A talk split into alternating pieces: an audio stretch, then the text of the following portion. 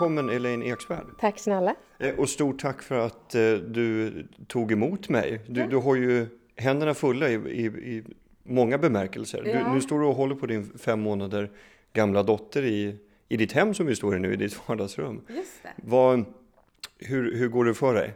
Jo, men det går bra. Det är lite så här mitt liv ser ut som eh, egenföretagare. Eh, om man ska kombinera familj. Jag vill ju väldigt gärna, jag är ganska traditionell och modern kanske. Eh, jag vet inte. Ambivalent framförallt. Ja, men precis. Ambivalent. Just för att jag började jobba efter två och en halv månad. Men hade Evelyn hängandes med mig. Ehm, så. så men det är väl så det är, alltså det är väl så man måste göra, tänker jag. Ja, jag, jag tror det. Jag, det finns ju de som har sagt, men ska du inte skaffa en nanny? Och jag blir bara så här, va? Vem nej. är det? Ja, nej, jag förstår. Ja, precis. Vad heter Vad hon?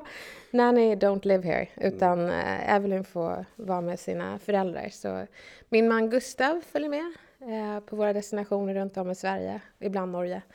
Och uh, så att Evelyn får vara med sin mamma. Jag tror det mm. ska vara så. Mm. I alla fall i mitt fall. Jag dömer inga andra. Mm. Men, men eh, just det, och din man Gustav och du, ni har ju mer än bara barn ihop. Eh, ja. Ni har ju företaget också. Ja, precis. Eh, vi, har, vi driver en retorikbyrå som heter Snacka snyggt som vi startade 2010. Och här om några veckor så blir vi åtta anställda, vilket är jätteroligt. Det började på, vid vårt köksbord här i Liljeholmen där vi bara, men man kanske skulle starta en retorikbyrå. Det är så många som vill ha utbildningar i presentationsteknik och så vidare. Eh, och så nu så har det blivit rätt stort. Jättekul. Ja, wow! Ja. Hur, hur, tänker du när, du när du ska ta in folk? Ja, det har ju varit rätt svårt. Jag visste inte hur jag skulle rekrytera. Det här är... Evelyn hör vi här. Ja, hon tycker om att prata, hänger på på sin mamma som retoriker. Men jag tänker, eh, numera tänker jag social kompetens och förnuft. Eh, kompetens först såklart, men är det inte social kompetens så är det svårt att kombinera. Mm. Det finns ju en, det finns ju en, eh, en entreprenör och eh, ska man säga, livsfilosof mm. i USA som heter Jonathan Fields som arrangerar olika typer av eh, campus Eh, Eh, konfer konferenser och liksom, vad ska man säga, vuxenkollon där man pratar om morgondagens arbetsmarknad. Och i den eh, föreställda framtiden så säger han, då ska man inte, man ska inte fråga vad du kan, man ska fråga vad vill du göra? Är det någonting som, är det, är det så du tänker när du ska rekrytera? Nej, men det är en jättebra tanke. Det ska jag tänka på i fortsättningen. För i slutändan så kommer folk inte göra sitt bästa om de inte gör det de vill. Jag tänker bara på, jag jobbade extra på Konsum eh, och var helt värdelös, fick sparken till slut. Eh, just för att jag inte tyckte det var kul och, och eh, var understimulerad, så jag pratade bara med kunderna i, i kassan. Det var väldigt roligt, det var det bästa jag visste. Eh, men eh, sen så fanns det då Bernt, den jag jobbade med, han var helt lysande där på Konsum. Han var på rätt plats, det var det han ville göra. Um, så det tror jag absolut. Och nu har vi lyckats hitta retorikkonsulter som verkligen brinner för det de gör och inte är så pass extroverta att de bara vill synas, utan de vill lyfta kunden och få dem att få ut sitt budskap och ord. Och det är det som ska vara i fokus, inte du. Och eh, retorik. Mm. Hur, alltså, när visste du att bara, det här, det, det, det kör jag på?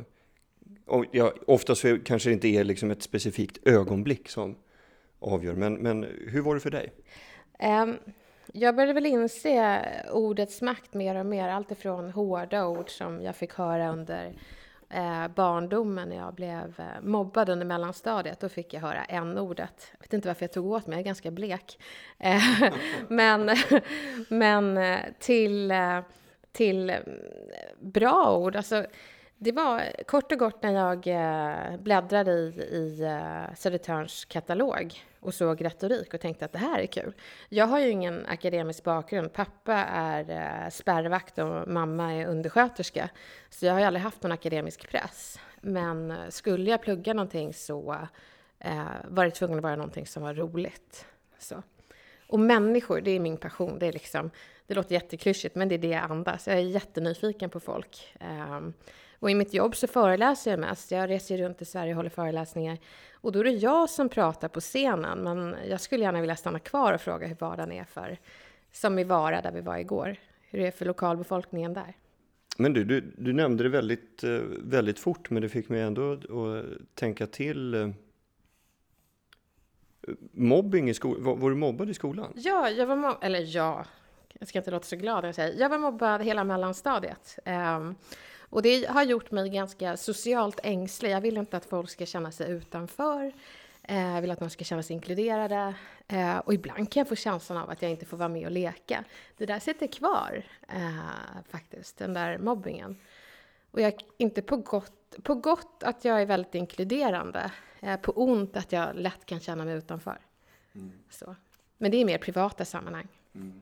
Men vad, eh, på, på vilket sätt, eh, vad var det som hände då? På vilket sätt blev du utsatt? Eh, det var, nej men jag var ju en ganska tuff unge. Eh, under min uppväxt fick jag aldrig höra att jag var söt eller gullig eller sådär, utan eh, mina föräldrar sa att ah, men du är tuff och det var det jag ville leva upp till. Men det var inte alla som tyckte att det var passande, så det var några killar i klassen som ville trycka ner mig och kallade mig för diverse. Mm. Sådär. Så att under den tiden så höll jag ganska låg profil, vilket är ganska svårt att göra när man är extrovert i grunden. Eh, så det var en jobbig tid.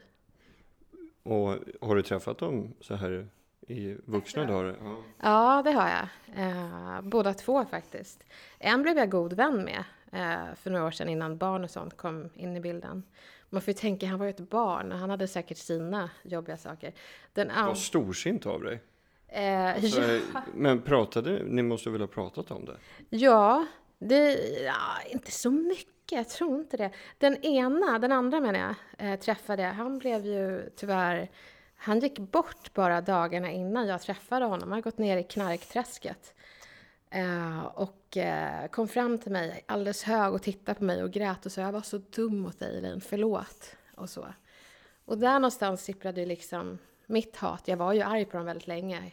Och nu på äldre dagar så har jag fått höra att eh, en blev ju misshandlad gravt av sin pappa eh, med knytnäveslag. Och det finns alltid någonting bakom det.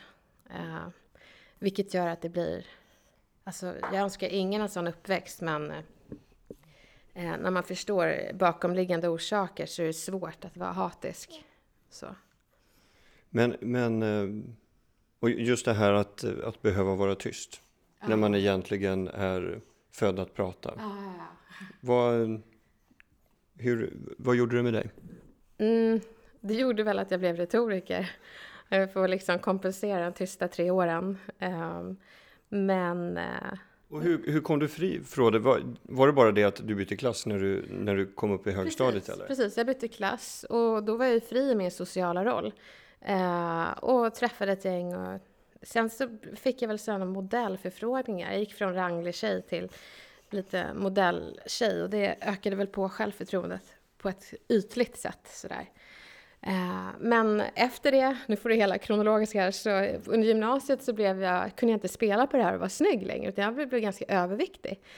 Um, och då utvecklade jag humor och skärm. Det var väldigt bra för min karriär. Jag tror alla ska ha haft en period då de har varit ful, fula eller så här, mindre attraktiva. För att jag märkte de som har varit snygga ett helt liv, de, de kan oftast posa men de kan inte prata. Nej, men jag, vet du vad, vi, vi kan ju ge ett tips då ja. för de som som lyssnar på det här och tänker bara, men alltså hur kan man vara ful i en period? Jag har ju varit snygg hela mitt liv. Ja. Då kan jag säga att så här, vet du vad? Skaffa småbarn och lev med dem och ja. var föräldraledig i ett halvår. Ja. Och sen så tar du en selfie någon gång där när de behöver mat vid halv fyra på morgonen. Precis, då kan mm. du inte posa, då får du skaffa lite skärmkonto. Mm, då är du ful på riktigt. Ja, se på oss. Nej ja, exakt. Precis, det är därför jag jobbar med radio. Vet du. Ja, ja. Ja, Okej. Okay. Jo, men eh, ja, var var vi någonstans? Jo, just det, precis. Att det, humorn fick du utveckla eftersom du upplevde att du befann dig i en ja, fysiskt ful inte... period. Ja, eller jag tyckte jag var rätt het. Det har aldrig varit fel på mitt självförtroende. eh, men jag fick inte den responsen. Jag, mm. Förut kunde man höja på ett ögonbryn och så var folk jättetrevliga. Nu hjälpte inte det. Mm. Och då fick jag slå på skärm och skratt istället. Eh, och det är väldigt nyttigt, eh, tycker jag. Mm. Hur, eh, och eh, Ja, det finns ju så mycket jag skulle vilja fråga dig om. Det ja. eh, trefaldig författare nu. Eh, senaste boken Vardagsmakt. Vill, eh, vill du berätta lite, vad, vad går den ut på?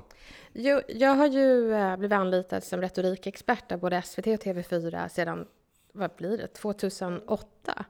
Och då kom jag på att de här makthavarna använder olika maktstrategier som man enkelt kan använda i vardagen och benade upp dem i tio olika maktstrategier som skrämselmakt, tystnadsmakt, som Göran Persson kunde använda. V vilken då? Vilken använde han sa du? Tystnadsmakt. Aha. Han såg till att ni journalister eh, blev obekväma i tystnaden. Eh, så kunde han göra. Eh, inledningsvis, in, innan intervjuer, om du kanske hälsar på honom, så kunde han säga dig hälsar jag inte på. Så var han tyst och sen sa han, för att jag är förkyld. Och då blev ju eh, journalisten överdrivet tacksam och gav honom en desto trevligare eh, intervju. Så han, han körde lite strategier som journalister har berättat för mig, hur man blev indirekt lite manipulerad. Mm. Och eh, det här kan, tystnadsmakt kan man använda i löneförhandling när någon säger någonting dumt och så vidare. Men du, jag ska säga, jag blev ju lite nervös innan jag liksom skulle knacka på dörren hos dig. För jag tänkte att här har hon liksom, eh, du vet, dissekerat varenda beteende som vi människor gör mot varandra. Yeah. Eh, är, är det så att, är det någon kokplatta som du kan slå på och av liksom? Ja. Eller, eller går du omkring och analyserar alla människor i din omgivning? Nej, då så här, jag gjorde det tror jag Eh, första månaden efter jag var nyutexaminerad retorikkonsult, då tror jag vi alla retoriker lider av hybris och tror att ja, nu kliar han sig på skägget, då är det någonting han vill säga. Men så, så märker man eh, tidigt att det håller inte. Eh, han har ju mjäll, tänker jag. ja, men precis, det är ju nog det. Eh, det, finns, men det är som Gustav, han drog sig i halsen och det, det, brukar man göra när man vill säga någonting. Och då sa jag, vad är det något du vill säga? Han var så här, Elaine, slappna av, det kliar bara. Eh, så att eh, man märker att allting är väldigt kontextbundet och är det någon jag analyserar så är det nog mig själv. Ehm, eh, i, och, och, eh, det finns ingen mall på hur det ska vara. Eh, vår slogan på Snacka snyggt är ju att bli den bästa retoriska versionen av dig själv. Du ska inte stå och så här, säga I have a dream, för då kommer folk säga men ta den drömmen och gå och lägg dig. Utan mer vara dig själv och då finns det inget rätt och fel. Mm. Borde man tänka mer på hur man själv beter sig eller ska man analysera omvärlden och agera ut efter det? Eh, både och. Absolut både och. Um, lite prata på folk på deras vis, men också inte förlora sig själv. Som jag är väldigt extrovert och kan använda superlativ rätt mycket. Eh, och försöker tona ner det när jag pratar med introvert och inte säga gud det är så fantastiskt här, jag älskar eh, Liljeholmen, utan när jag säger det är bra att bo här. Det men va, vad händer med en introvert då om man säger att det är jättekul i Liljeholmen? Ja, men det blir lite överdrivet. Att det är så här, Gustav brukar säga det, min man han är i och för sig ambivert, men mer introvert. Och han säger det, du älskar ju ta med tusan allt liksom. Det, kan vi kanske spara det till altaret när vi gifter oss och inte till liksom stolen som du köpte på Ikea? Men du, den här eh, ambiverta. Ja. Intro och extro har man lite koll på, men ja. ambiverta, berätta. Då är man både och. Eh, introvert i vissa lägen, ex, eh, extrovert i andra. Så. Mm. Och jag börjar bli ambivert för att jag pratar så mycket i mitt jobb så att när man kommer hem så vill man bara trycka på mute-knappen på sig själv och inte höra sin röst så mycket.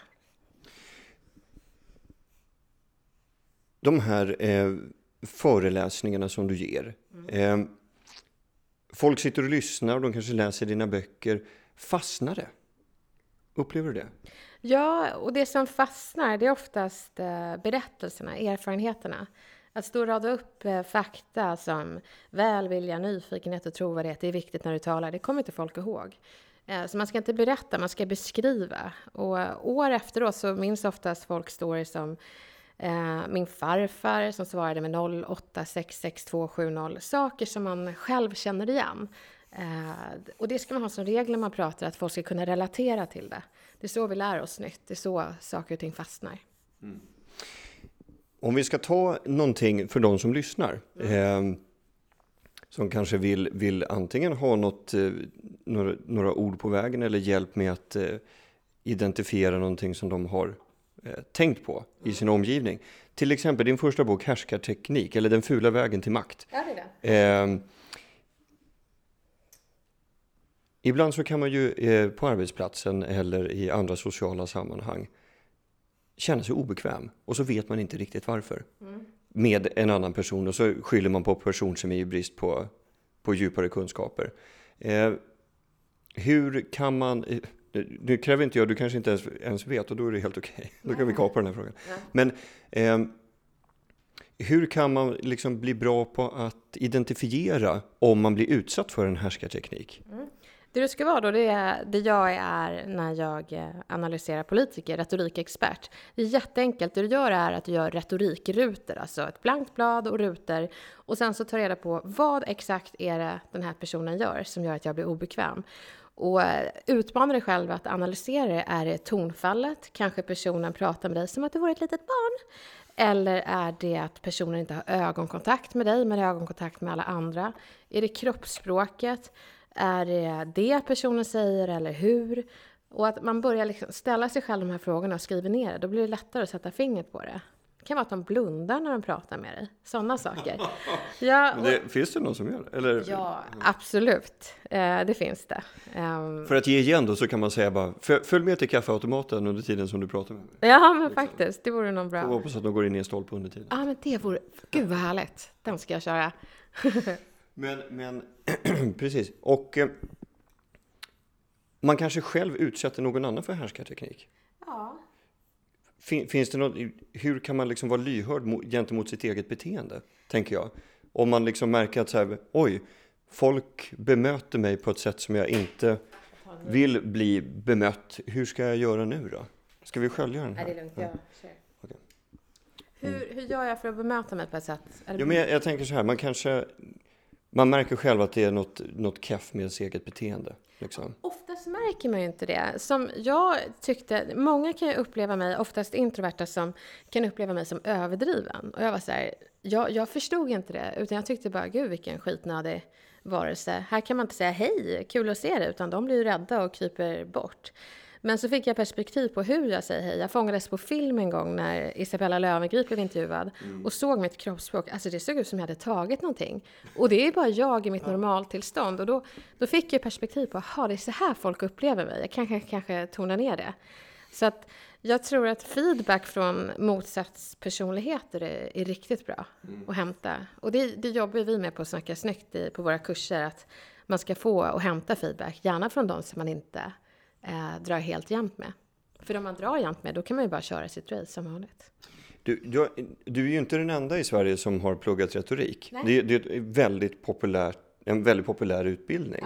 Ja. Eh, och vad, vad, vad, tror du själv har avgjort att det är du som nu står här med åtta anställda och och sådär. Att, att, eh, jag, menar, jag, jag ser ju Facebook-annonser med dig hela tiden. På, ja, att du ska hålla föreläsningar Jaha. i sällskap med fina typer. Och, Vad jobbigt, jag är in your face helt ja. enkelt. Nej, men det, ja. det, det, går bra, det är ja. intressanta sammanhang. Men, men eh, vad tror du själv? Vad, vad, vad, skiljer dig från de andra? För det går, ja. Um, jag, alltså jag har ju fokuserat på att... Jag, jag, insåg att i början var jag nog, när jag var nyutexaminerad retorikkonsult, så som akademiker ville jag använda akademisk terminologi. Men jag insåg snabbt att folk inte ville lyssna på det. Utan du får översätta. När, innan jag blev retorikexpert hos SVT så sa de, du måste prata svenska Elin. Jag sa, vad menar du? Ja, men du kan inte använda etos, logos, patos och så vidare, mm. utan prata på ett sätt som, så folk kan ta till sig det. Mm. Eh, och så var det någon som sa, gör dig inte smart, gör dig förstådd. Och varför, sa jag. Jo, för att det är smart. Då kommer folk förstå vad du säger. Um, så jag tror att jag förenklar, inte förenklar, men jag byter ut ord. Uh, jag säger inte, det heter inte Retorik AB, utan vi heter Snacka snyggt. Uh, och det tror jag många förstår. Mm. Um, och sen så använde jag en del ord. Jag tror den journalistiska skolan fick jag liksom gå in direkt när jag blev retorikexpert. Um, och har lärt mig det, att man ska gärna tala i rubriker för att folk ska bli nyfikna. Istället för att säga eh, väck nyfikenhet så kan jag säga skapa en åh fan-effekt. Så, så att publiken säger åh fan när du har pratat. Och det, det kan ju reta en del akademiker att jag pratar så. Men eh, det, det är priset. Men du, hur är det att ha firma tillsammans med sin man? Jo, men det går bra. Vi, vi, uh, det har väl varit stunder då vi har pratat lite för mycket jobb. Um, det var någon gång härom kvällen då Gustav tog upp någonting precis som vi skulle somna. Och jag bara tittade på honom och han sa så här, ja det här med konferensen vi ska ha. Och jag bara, nej, nu har jag en arbetskollega här i sängen. Det vill inte jag ha. Um, men det händer ytterst sällan. det går väldigt bra. Vi får tillbringa mycket tid ihop, så uh, i alla fall när jag reser. Mm.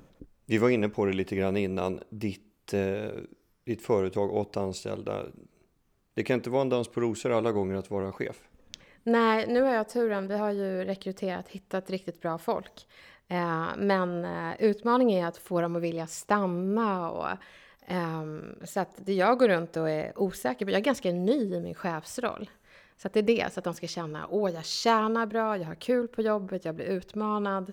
Det blir inte för mycket så att jag går in i väggen och hela tiden hittar den balansen. Och sen så är jag nog ganska obekväm med det här hierarkiska. Samtidigt som det infinner sig. Du måste ju säga hur saker och ting ska vara och samtidigt lyssna. Så den där balansen.